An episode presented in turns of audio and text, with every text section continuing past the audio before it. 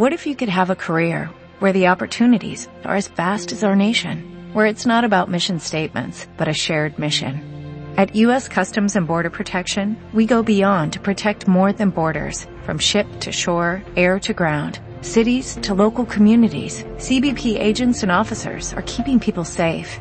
Join U.S. Customs and Border Protection and go beyond for something far greater than yourself.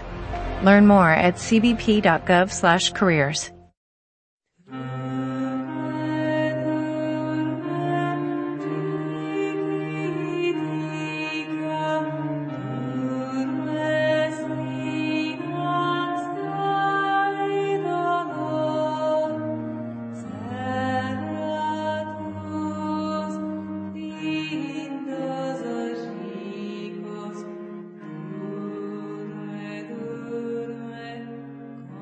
La importancia de los zapatos. Por la profesora Angela Waskman. Polonia dos veces. Polonia llena de sol, dorada, florida. Ese fue el impacto que recibí al llegar allí por primera vez. No era aquella Polonia gris que me había imaginado, porque a finales de abril el sol había estallado con todo en el cielo demasiado celeste para ese país que era incoloro para mí, o mejor dicho, que estaba representado en un arco iris particular cuya curvatura iba del blanco al negro pasando solamente por la gama de los grises. Me había equivocado. Polonia nuevamente, Polonia blanca, fría con calles desiertas y algunas luces iluminando flacos árboles de Navidad, o quizá no eran flacos y yo los veía así.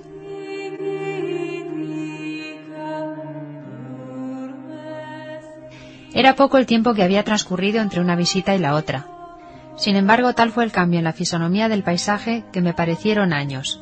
Pero de abril a diciembre hay solo ocho meses, meses que pueden ser determinantes para la vida y la muerte. Birkenau, Majdanek, dos nombres trágicos en la memoria de quienes pasaron por allí y sobrevivieron, dos nombres trágicos al recordar a quienes quedaron allí definitivamente. Y cuando evoco esos lugares, vuelve a mí la imagen de las dos Polonias, la brillante inundada de sol y la blanca, fría, amorfa por momentos. Recorrer los campos en primavera fue sentir que la naturaleza no era justa. Fue sentir que no hay derecho a caminar sobre el tapizado verde del pasto humedecido. Fue pensar que donde hubo muerte no debe haber vida y, sin embargo, recorrer los campos en invierno es sentir una sensación de espanto y dolor. Espanto porque desde mi comodidad de ropa abrigada y apropiada puedo no abarcar la magnitud de quienes vivían allí y soportaban la inclemencia de un clima terrible.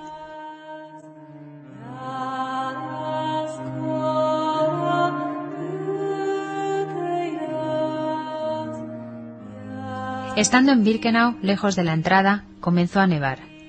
Los copos que caían se hacían cada vez más grandes y espesos, y yo, petrificada, no podía seguir adelante.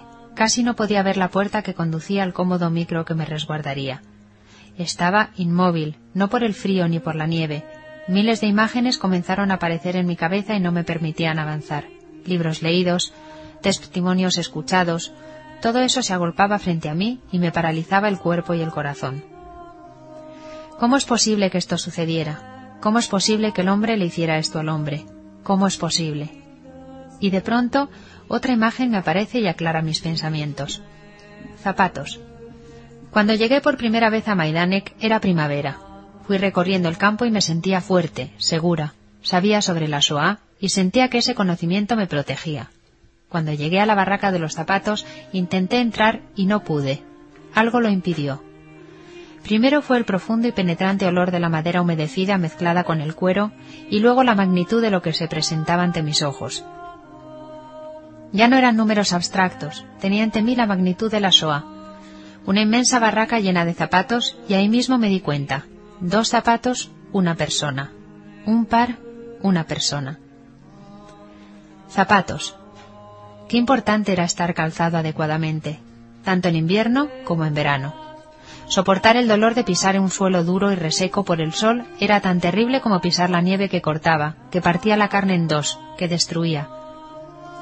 Muchos sobrevivientes relatan el cuidado que cada uno tenía de esa prenda tan importante, porque perder los zapatos era definitivamente estar condenado. Y los zapatos fueron el premio y su falta el castigo de quien se sabe transitar el último tramo de la vida.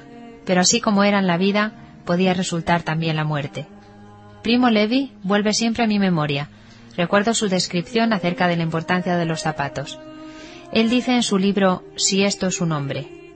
Y no creáis que los zapatos en la vida del lager son un factor sin importancia. La muerte empieza por los zapatos. Se han convertido para la mayoría de nosotros en auténticos instrumentos de tortura, que, después de largas horas de marcha, ocasionan dolorosas heridas, las cuales fatalmente se infectan. Quien las padece está obligado a andar como si tuviese una bala en el pie. Sí, ese calzado era una necesidad, pero era también la tortura, esa tortura permanente que se sumaba a todas las demás. Tenerlos representaba un sufrimiento extraordinario. Pero ¿qué pasaba si uno no los tenía?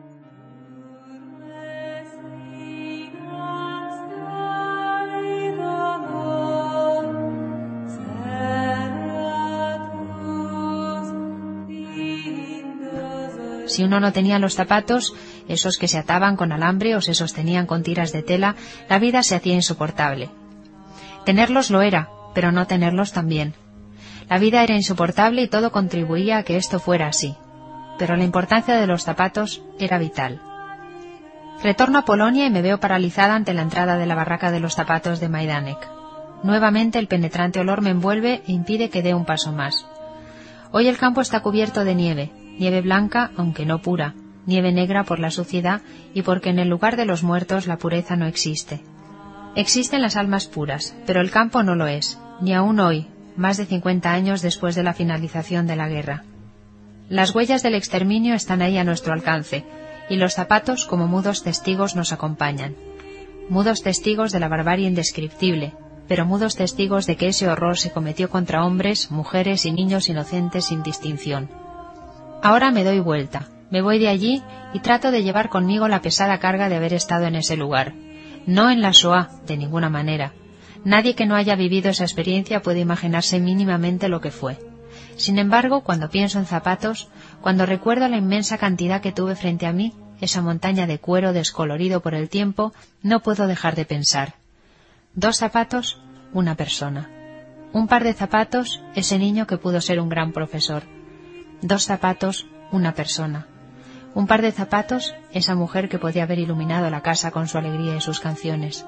Dos zapatos, y definitivamente mi cabeza se deja caer y no me queda otra cosa que rezar un candís silencioso por todos ellos. Nosotros somos los zapatos, los últimos testigos. Somos los zapatos de nietos y abuelos de Praga, París y Ámsterdam, y como solo estamos hechos de tela y cuero, y no de sangre y carne, cada uno de nosotros evitó el fuego del infierno. Moishe Schulstein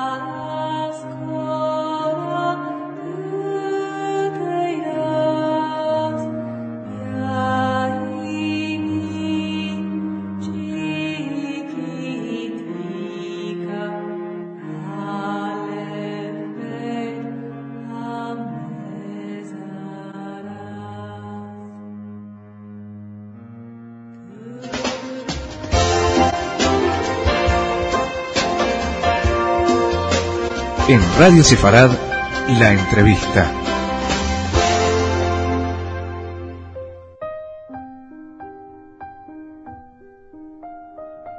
La idea de que se organice esta marcha por la vida es realmente muy, muy importante. Muchos de los jóvenes dicen, no me cuenten esas cosas, esas cosas son viejas o a nosotros no nos va a pasar o nunca va a volver a suceder.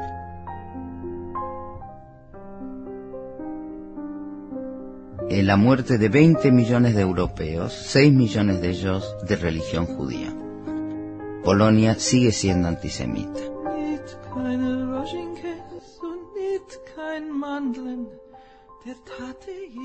En estos días, un grupo de jóvenes judíos españoles, junto a jóvenes de todo el mundo, marchan por la vida, en Auschwitz-Birkenau, en Majdanek, en Polonia.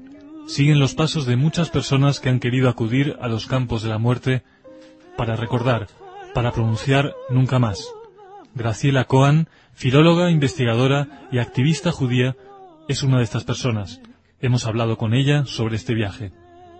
Hicimos un viaje a los campos de exterminio eh, hace en agosto del 2002 y pese a que fue, bueno, fue bastante más extenso porque fue un viaje de estudios directamente, la idea de que se organice esta marcha por la vida y espero que muchos españoles, muchos jóvenes españoles participen, es realmente muy, muy importante. En este momento que para los judíos de la diáspora y para los de Israel, para todos, es muy, muy importante conocer eh, lo que ha pasado en el siglo pasado. Pero este viaje además vincula, digamos, el acontecimiento histórico del Holocausto con eh, el Israel actual. De alguna manera es un viaje para...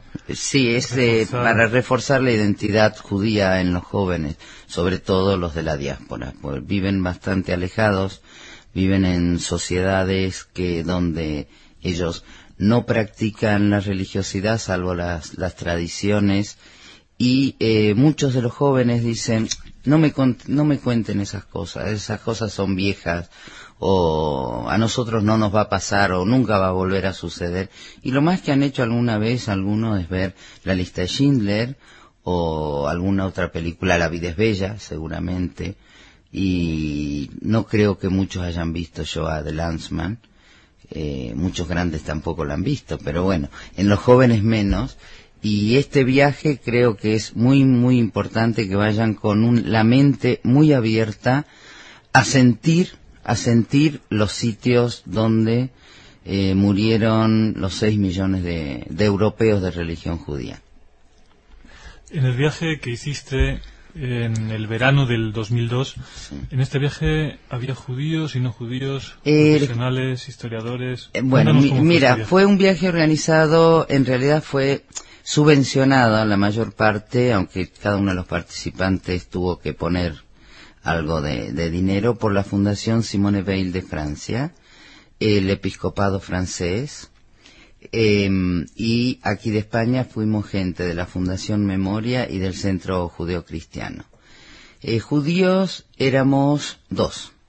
Y uno de la, una de las guías, una señora israelí ahora, pero hija de polacos que de Francia fueron a, Israel, a Palestina, y ella es especialista en guetos. Ella nos guió por los guetos de Varsovia y de Cracovia. Eh, fue fundamentalmente un viaje de estudio. Fueron 12 días muy, muy duros. Se visitaron cinco campos de exterminio, no solo Auschwitz, que ese es, ese es el paradigma del horror, de la fábrica de muerte, pero estuvimos también en Belzec, Sobibor, Majdanek. No hicimos Treblinka, que ahora los jóvenes iban a ir, y aunque espero que, lo, que lean algo de, lo que ha sido el funcionamiento de, esos campos de la muerte, eh, Treblinka dejó de funcionar porque hubo un levantamiento, que eso no sale, eso como que no se cuenta. Eh, fue anterior a Auschwitz, el levantamiento de Treblinka, y dejó de funcionar. Eh, porque ese era solamente campo de exterminio. Los únicos que vivían ahí eran los ucranianos, algunos SS alemanes y eh, los Sonderkommandos. Entonces, todos los que llegaban a Treblinka iban directamente a la cámara de gas. De este viaje a Polonia, a los campos y en general a los guetos, a las ciudades, ¿qué recuerdo tienes? ¿Qué es lo que más te impresionó? Lo que más me impresionó es la vigencia actual del antisemitismo. Y estábamos caminando, cruzando la, una plaza en Cracovia para volver al autobús y una señora nos gritaba, en polaco por supuesto, que nos traducía Perdiwa, y decía, ¿qué hacen tantos judíos aquí? ¿Qué hacen los judíos aquí? Éramos dos mujeres judías y un señor que no es judío pero que usaba kippah dos que usaban kippah, ¿no? Y este, hay muchos judíos por aquí. Lo mismo cuando fuimos al campo de Belzec, que ese campo de exterminio, en seis meses 900.000 judíos murieron. Ese campo, ahora lo único que hay es cenizas y huesos, camina sobre cenizas y huesos. No sé cómo estará Treblinka pero antes de entrar a Belzec nos dijeron que no usemos kipa, que no nos vean ninguna eh, ningún signo externo de que algún había algún judío en el en el grupo para ir al campo, porque la gente del pueblo nos iba a apedrear. Y hablando así con gente polaca, volvieron a decir que que Polonia no tiene ni puede pagar reparaciones y que eso que los judíos que viven acá reclamen sus casas, sus terrenos, sus cuadros o, su vida. Pero yo creo que no se trata de dinero, porque cuánto, cómo se cotiza la vida humana, ¿no? Cuánto vale un niño, eh, un millón y medio que han muerto. O sea, no, no es el dinero, es, aunque se les dé cuatro euros por, por a cada una de las familias, es el hecho, el reconocimiento de que ellos son los culpables. Ellos no se reconocen culpables. Y, y bueno, yo te cuento esto de Cracovia pero, y de Belzec, pero eh, Polonia sigue siendo antisemita.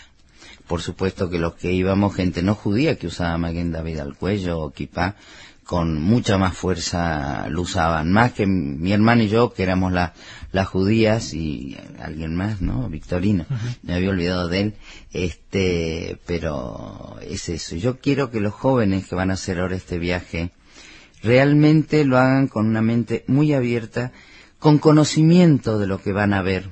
Ellos van a ir al campo, a Auschwitz, que es, fue el mayor campo de fábrica de muerte eh, la industria estaba tan este, estratificada y tan organizada que aun cuando se voló uno de los crematorios se siguieron matando, ¿no?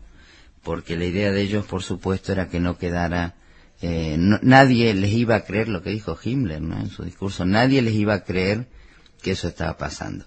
Pero quiero sacar una, hacer una, una nota. Eh, siempre nos recrimina a los judíos nuestro victimismo, que siempre hablamos de la Shoah, del holocausto. En España precisamente es algo que se escucha mucho. La gente no sabe mucho sobre el holocausto, no sabe lo que ocurrió, sin embargo, muchas veces, como dices, se escucha el tema de que siempre están con Estamos con el tema del holocausto. Eh, y también podemos empezar a estar con el tema de la Inquisición. Lo que pasa que el pueblo judío es un pueblo de memorias. Yo dije esto hace poco en la televisión, y es cierto, o sea, nosotros para Pesach, eh, en nuestra gada de Pesach, leemos todos los años, yo ya llevo 56 años, pero mi padre 87, y tú lo mismo, o sea, todos, leyendo el relato de que fuimos, habla a tus hijos que fuimos esclavos en la tierra de Egipto, hace más de 3.500 años, pero lo recordamos año a año, y eso no es victimismo. La muerte. está tan cercano. Exacto, la muerte. Nosotros los judíos recordamos a nuestros seis millones de muertos. ¿Por qué los polacos no recuerdan sus dos millones de muertos? Los húngaros, los italianos, los franceses, que porque los judíos que murieron ahí, la mayoría no era judío practicante, muchos estaban bautizados, inclusive espero que a los chicos los lleven en Varsovia, está la iglesia dentro de lo que era el gueto grande, porque después iban achicando los guetos, o sea, todo estaba muy organizado. La iglesia donde iban los judíos convertidos al protestantismo, al catolicismo y demás, y las familias, y, está todavía en pie. Bueno, todos, o sea, no quedó nadie de, de eso. Y porque era judío hasta tu, la tercera generación hacia atrás. Y entonces a mí me gusta mucho más hablar de eh, la muerte de 20 millones de europeos, 6 millones de ellos de religión judía, que no lo habían elegido, eso, sus abuelos habían sido judíos, ellos no, pero lo hicieron, ¿no? Entonces, que tenemos que empezar a ver que éramos igual que ahora. Hoy leí en el, en el diario que decía, con el ejército judío y el pueblo, el ejército es israelí. Y los judíos somos nosotros, los que estamos acá, los que estamos trabajando y los que estamos estudiando. Somos europeos. Que no nos separen de eso. Que aprendan a vernos, no como que hay dos españoles, un argentino y un judío. No, somos europeos. Murieron seis millones de europeos de religión judía y otros ocho, diez, doce millones de europeos de otras religiones. En el viaje este lo que tienen, primero que es muy emocionante porque van a entrar a Auschwitz marchando con una, las banderas de Israel. Eh, cuando nosotros estuvimos ahí casualmente entraba una delegación de chicos israelíes que iban con gente de seguridad, los veíamos allí, y Y realmente a todos nos saltaron las lágrimas ver entrar por la plataforma a paralela a las vías del tren la bandera de Israel y todos los jóvenes con llevaban unos buzos con la bandera de Israel dibujada. Después los encontrábamos en el gueto de Varsovia por el camino de los héroes, o sea, pero la mayor emoción fue eso, ¿no? En Auschwitz eh, no pudieron terminar con nosotros y no terminaron y no van a terminar. Y aunque les moleste a los polacos, ah, eh, no sé si sabes que Auschwitz está abierta a las 24 horas, no, cierra. ¿no? Debe ser, yo no estuve de noche, pero debe ser terrorífico caminar por ahí. Lo que queda de Auschwitz II, ¿no? Que es donde estaban los campos. Graciela, te quería preguntar para finalizar. En España, eh, en los últimos años, poco a poco se va abriendo el tema, empieza a haber un poco más de conciencia sobre la cuestión del holocausto y sobre la memoria en general. Muchas veces la propia memoria colectiva española que está siendo debatida. Lo, que ocurrió en este, en este país, en general, el holocausto muchas veces se puede ver como un ejemplo, como un paradigma de, de caso, de tragedia, de caso de memoria. ¿Tú crees que esto puede hacer que en España, por la población no judía, haya una mayor sensibilidad hacia este acontecimiento? Eh, sí. Primero que eh, la gente habrá notado, y tú también, Alex, que desde hace tres, cuatro años se están editando libros que, eh, por ejemplo, La especie humana de Antelme fue publicado en el 50, ¿no? 1950 o 52 lo publicó casi enseguida haber salido de los campos. Y esto se publicó ahora, hace un par de años o menos de un año. Entonces, ahora hay muchísimas más publicaciones, la gente lo lee mucho más y empieza a pensar, sobre todo después de los, del genocidio en Uganda, o ayer que mataron a 200 más, ¿no? O sea, que, que realmente eso puede, que, que eso hay que pensarlo, hay que recordarlo, y la gente está accediendo a ello. No sé si ha sido por la lista de Schindler, que eso movió bastante, pero creo que eh, la película, eh, hay la película esta última de... ¿El pianista? No, no, bueno, el pianista también, pese a que no hay horror. la zona gris. Esa película, aparte, pone imagen a todo lo que uno ha leído o pueda llegar a leer y a ver y estar. Cuando yo estuve en, eh, los hornos crematorios mejor conservados son en Maidanej, ¿no? Cuando ahí entendés cómo quemaban los cuerpos, cómo, los metían al horno crematorio, cómo lo, o sea, cómo el tamaño de la cámara de gas. No era una, una habitación, era una sala, ¿no? Entonces, claro, entraban de a dos mil. O sea, ¿cómo podían matar dos mil? Ahí realmente lo entiende. Creo que películas como La Zona Gris hacen más, han hecho más que la otra, la otra ha sido un despertar, ¿no? Un despertar al horror. Y algo que no quiero olvidarme es que eh, lo que me gusta de lo que van a hacer los chicos ahora en la Marcha por la Vida es que van a hacer un Shabbat en Varsovia, en una sinagoga, y después la Abdalá, no sé si en la misma o en otra. Y eh, todo en Polonia todas las sinagogas en este momento son museos eh, porque no hay población primero porque no hay población judía y, segundo porque a lo mejor si hay tienen miedo o no son religiosos. Mucha gente después de, la Shoah eh, dónde estuvo Dios no la, la, famosa pregunta.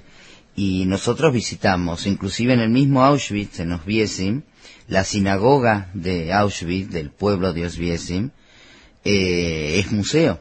Y arriba tienen vídeos de los jóvenes, de los niños que vivían ahí. Ahí funciona una escuela y estamos hablando del 40, del 1939.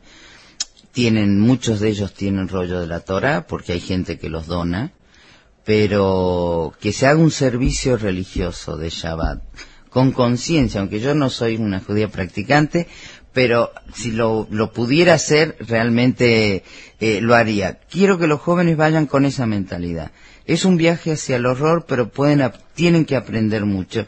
Y ellos son los que van a enseñarle, no solo a sus hijos, a los que están al lado y no han podido viajar, ¿no? Y posiblemente también eh, aquellos que no son judíos, que también eh, que están implicados en esta historia europea, ¿no? Sí. Graciela, muchas gracias por esta entrevista, por estar hoy con nosotros en Radio Sefarad. No, a ti, disculpa si te ha dado mucha la lata, si me, hablo de este tema y me subo a la moto y no paro. Espero que, me interesa, a mí me ha interesado mucho y estoy seguro que también a nuestros oyentes. Espero que, así sea. No, gracias a ti, Alex.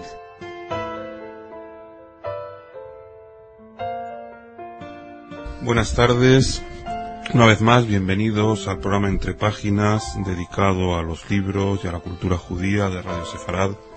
Hoy nos acompaña Esteban Ibarra, presidente del Movimiento contra la Intolerancia. Buenas tardes. Muy buenas tardes. Bienvenido. Esteban Ibarra ha publicado hace algunas semanas un, eh, un libro que lleva por título Los crímenes del odio, violencia, skin y neonazi en España y es de esos títulos en que el contenido se ajusta perfectamente al título. Crímenes del odio, título fuerte. Sí, la verdad es que al principio eh, el título iba a ser Las víctimas del odio, porque mm, este, la historia de este libro surge tras presentar precisamente un libro muy conocido que fue el diario de Unesquín. El periodista, un periodista compañero, me pidió que hiciera la presentación y yo le comentaba que ese libro adolecía de una insuficiencia y era no aportar la perspectiva de la víctima, la perspectiva del dolor. Eh, bien que hacía cierta referencia a algunas agresiones, pero el tamaño, el volumen de las agresiones supera enormemente lo imaginable, incluso lo que yo reflejo en los crímenes del odio. Entonces, la editorial me planteó hacer un, un libro, una investigación sobre el dolor, sobre la perspectiva de la víctima, y me puse manos a la obra. Luego, al final, Em, la investigación nos superó, me superó y eh, me quedé yo mismo asombrado de las dimensiones del problema. Y esto lo que hizo cambiar incluso el título de los crímenes, porque son muchos, son muchos crímenes los que han protagonizado em, bien grupos neonazis o bien simplemente desde esa ideología, de esa eh, la lógica cruel y fatal del odio, pues contra la gente. No, la toma de conciencia de que esto es un problema eh, es importante. Yo recuerdo además no hace tantos años era un postulado innegable en España no hay racismo.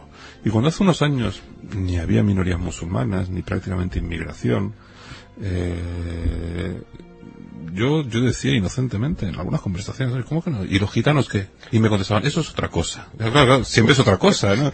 Entonces, eh, hoy estamos viendo que efectivamente, por desgracia... Claro, pero hay racismo y no solo racismo latente, sino hay una actividad organizada, persistente, que en los últimos cinco años ha crecido de una manera, eh, yo diría, eh, alarmante y escandalosa.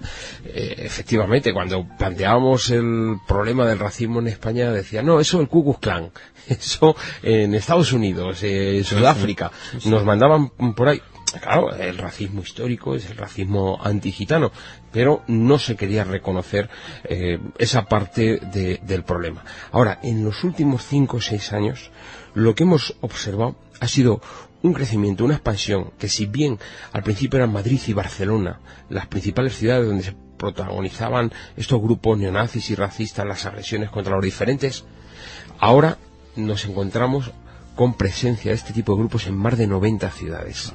Y eso es serio, es grave y revela también un déficit del Estado democrático para atajar este problema que nos está dejando, está practicando la política del avestruz. Totalmente. Bueno, y eso es la película avestruz que efectivamente se da en la sociedad y en muchos casos se da a nivel de, responsables políticos. También ha pasado eso en, en, el aspecto concreto del, del antisemitismo concretamente.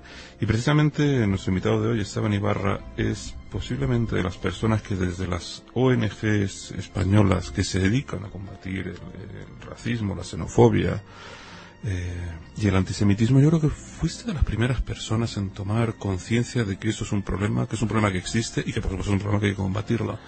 Sí, yo creo que además me ayudó mucho personas muy significadas de la comunidad judía, ¿no? De hecho, la presidenta de honor de nuestra asociación fue Violeta Frima, sigue siéndolo, ella está ahora mismo enterrada, pero eh, tuvimos una vivencia muy intensa, eh, conocimos el holocausto, conocimos su vivencia en Auschwitz, eh, tomamos conciencia de que no era algo del pasado, sino que es algo del presente.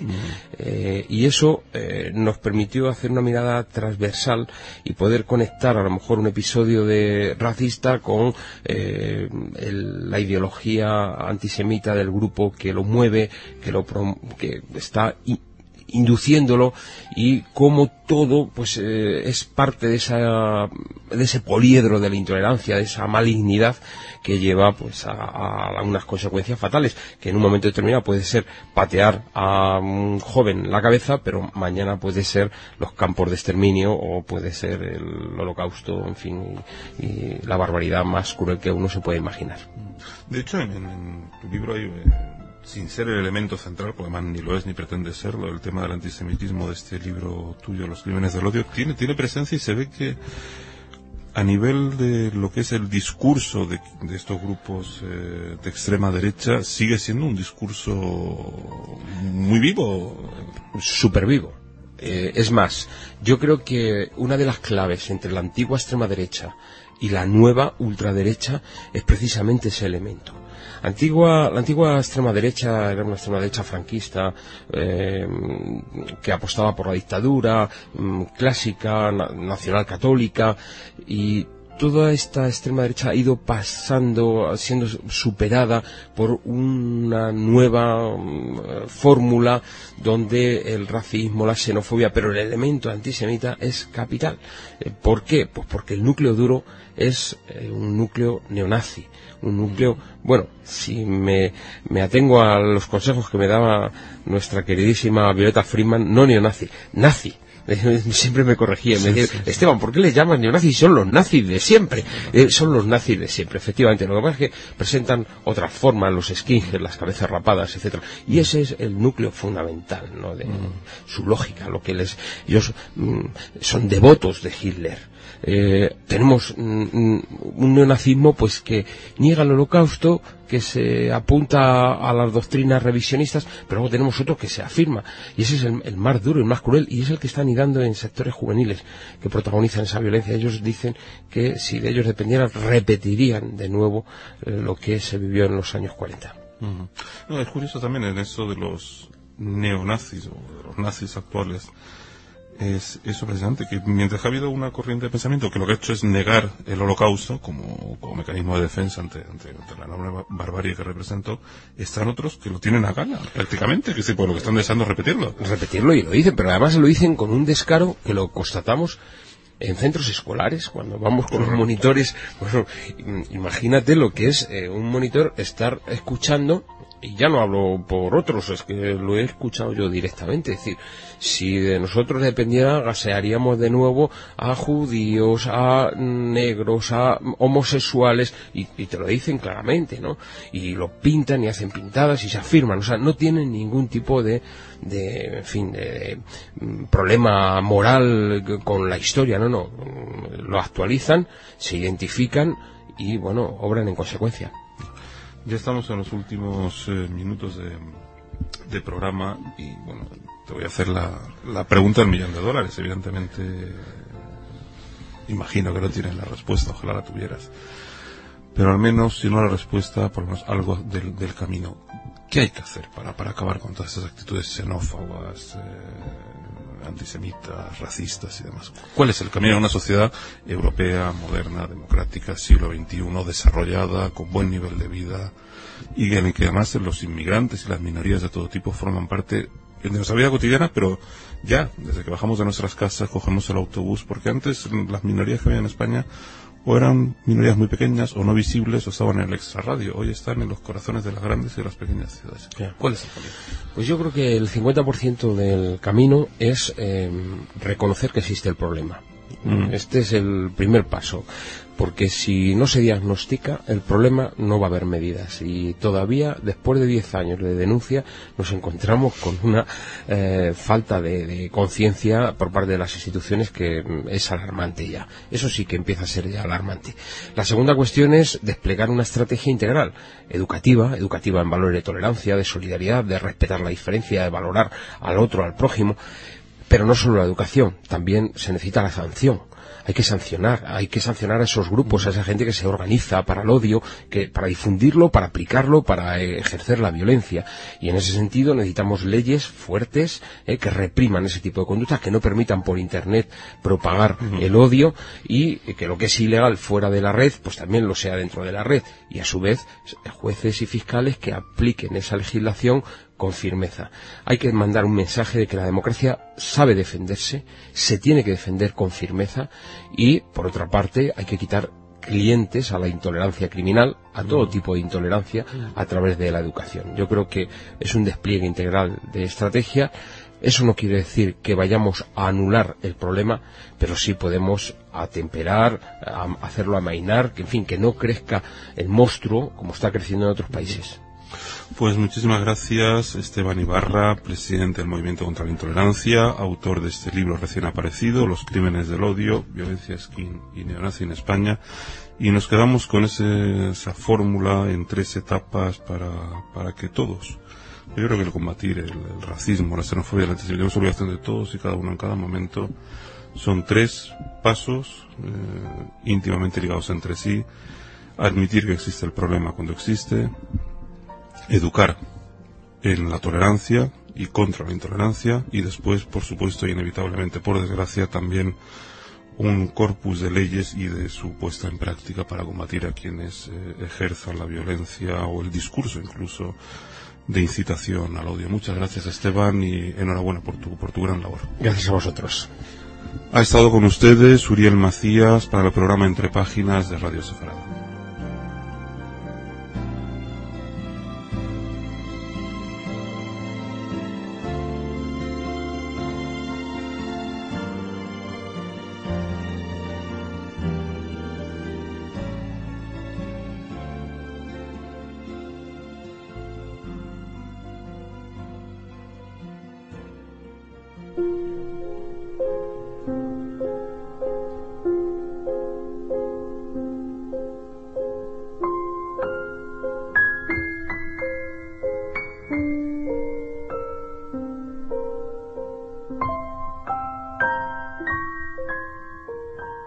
El gueto de Varsovia y la rebelión. Cuando los nazis invadieron Polonia el 1 de septiembre de 1939, la suerte ya estaba echada. Los judíos sabían que tarde o temprano su vida en ese país sería modificada para siempre, o quizás lo intuían. Y esa intuición se confirmó. El 21 del mismo mes, una carta urgente emitida por Reinhard Heydrich, jefe de la Policía de Seguridad, manifestaba que existía un objetivo final en relación con los judíos, para lo que sería necesario mayor tiempo, pero deberían implementarse acciones a corto plazo que llevarían a cumplir dicho objetivo. Continuaba entonces especificando que para lograrlo sería necesario concentrar a los judíos de poblados y pueblos pequeños en las ciudades más grandes. Luego, la carta describe en qué territorios y un detalle importante a considerar. Los centros de concentración deberían encontrarse ubicados en aquellas ciudades que sean cruces ferroviarios o estén cerca de las vías del ferrocarril. Además, la creación de un consejo de líderes judíos formado por personalidades y en quienes recaería la responsabilidad de cumplimentar todas las instrucciones que se decreten. Así comienza en la historia de la Shoah uno de los capítulos más crueles al que se vieron sometidos los judíos como parte del proceso de exterminio, el periodo conocido como el de guetoización, es decir, el confinamiento de los judíos en zonas especiales dentro de las ciudades donde habitaban, o trasladándose a otras, separándolos del resto de la sociedad y reduciéndolos a una vida de privaciones, enfermedad y muerte. La ciudad de Varsovia era en ese momento la que albergaba a la mayor comunidad judía de Polonia, una ciudad rica en lo cultural y político. En ella la prensa y la literatura en yiddish, los centros de educación judía y los partidos que representaban los intereses judíos en el Parlamento polaco mostraba la amplitud y el desarrollo de esa ciudad como centro de la vida judía. Cuando los alemanes entraron había allí 359.827 judíos. Luego se agregarían miles más, que llegarían por propia voluntad o posteriormente como parte del proceso de concentración.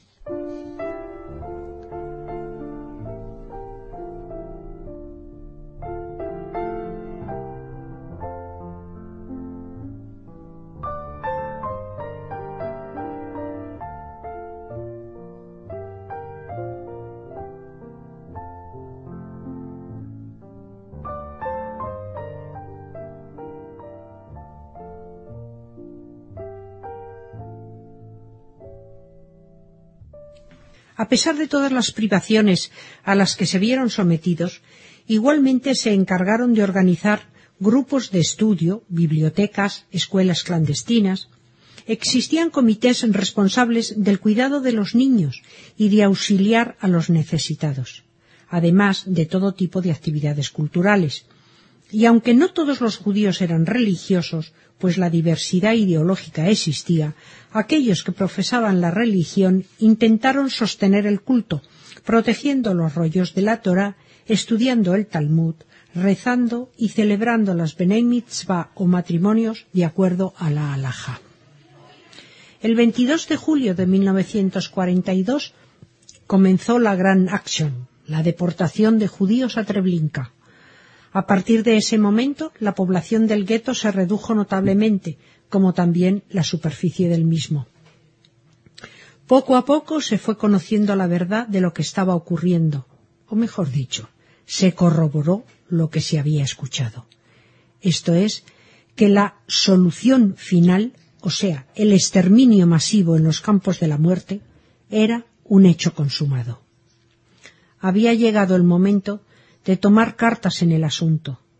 Había llegado la hora de iniciar la autodefensa del gueto de Varsovia. El 28 de julio de ese mismo año se creó una organización importante que se conoce por sus iniciales, la ZOB, Organización Combatiente Judía. Esta organización estuvo integrada por tres grupos juveniles sionistas, Hashomer Hatzair, Dror Hejalutz y Akiva, entre sus primeros líderes se encontraban Itzhak Zuckerman, Tzivia Lubetkin, Josef Kaplan y, por supuesto, Mordejai Anielewicz, quien se incorporó a posteriori. La ZOB contaba con un solo revólver y para el 21 de agosto llegó el primer cargamento de armas que fue comprada en la parte aria de la ciudad. En total eran cinco revólveres y cinco granadas, era muy poco, pero significaba tanto. Sin embargo, ese arsenal fue descubierto por la Gestapo, fue confiscado y muchos integrantes de la ZOB ejecutados. Parecía ser que los planes de defender al gueto habían quedado truncos. Pero la voluntad de quienes formaron parte de la agrupación no tenía límites, e Isaac Zuckerman, Antec, representante de la ZOB, en la parte aria para la compra de armas no dejó de intentar obtenerlas para los judíos que se encontraban dentro del gueto y planificaban enfrentarse a los nazis. No era fácil la negociación con los grupos polacos porque ni la Armja Krajowa, el ejército nacional, ni la Armja Ludowa, ejército popular, las dos agrupaciones de resistencia polaca, estaban dispuestas a ofrecerles toda la ayuda que necesitaban.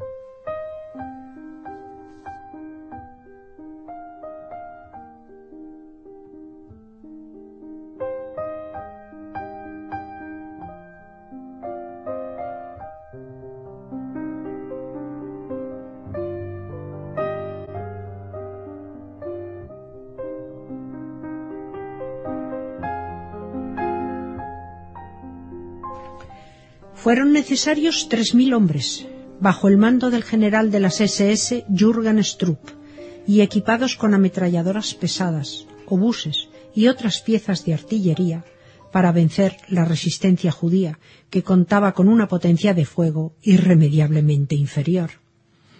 Los judíos se hicieron fuertes en las alcantarillas que recorrían el subsuelo de la ciudad, hasta que el gueto quedó completamente arrasado por las fuerzas alemanas. Algunos prefirieron saltar de los edificios en llamas a morir en manos de sus opresores. Sabían desde un principio que se habían empeñado en una batalla sin esperanza, pero estaban decididos a morir con honor y dignidad. En su última carta desde el gueto, fechada el 23 de abril de 1943, Mordejai Anielewicz, el joven líder de la rebelión del gueto, le escribe a su amigo Antek el sueño de mi vida se ha convertido en realidad. Lo que ha ocurrido ha superado nuestros sueños más audaces. Lo que nos hemos atrevido a hacer es de una importancia muy grande, enorme. He vivido para ver la resistencia judía en el gueto en toda su grandeza y gloria. Mordejai Anilevich y el resto de los combatientes no se hacían ninguna ilusión acerca de su destino, pero estaban orgullosos que la resistencia y la autodefensa se habían hecho realidad.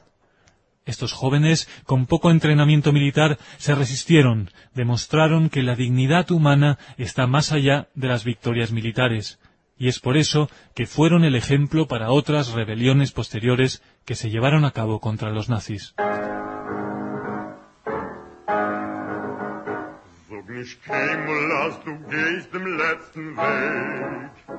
Himmelbleine verstellen bläue Tag, weil kommen wird doch unser reus gebänkte Schau.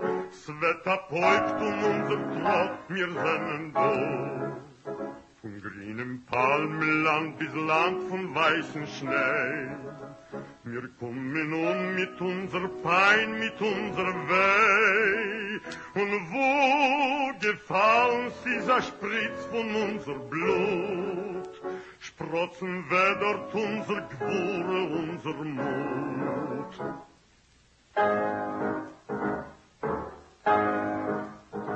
Wird die Morgensonn begilden uns dem Heind, Und der Nächten wird verschwinden mit dem Feind.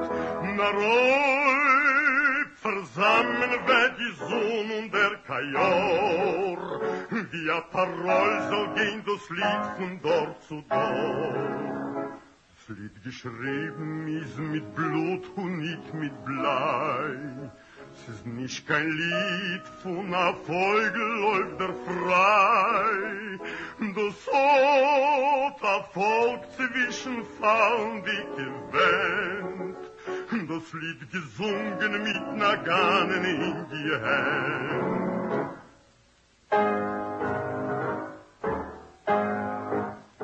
Da sog nicht keinmal, als du gehst dem letzten Weg.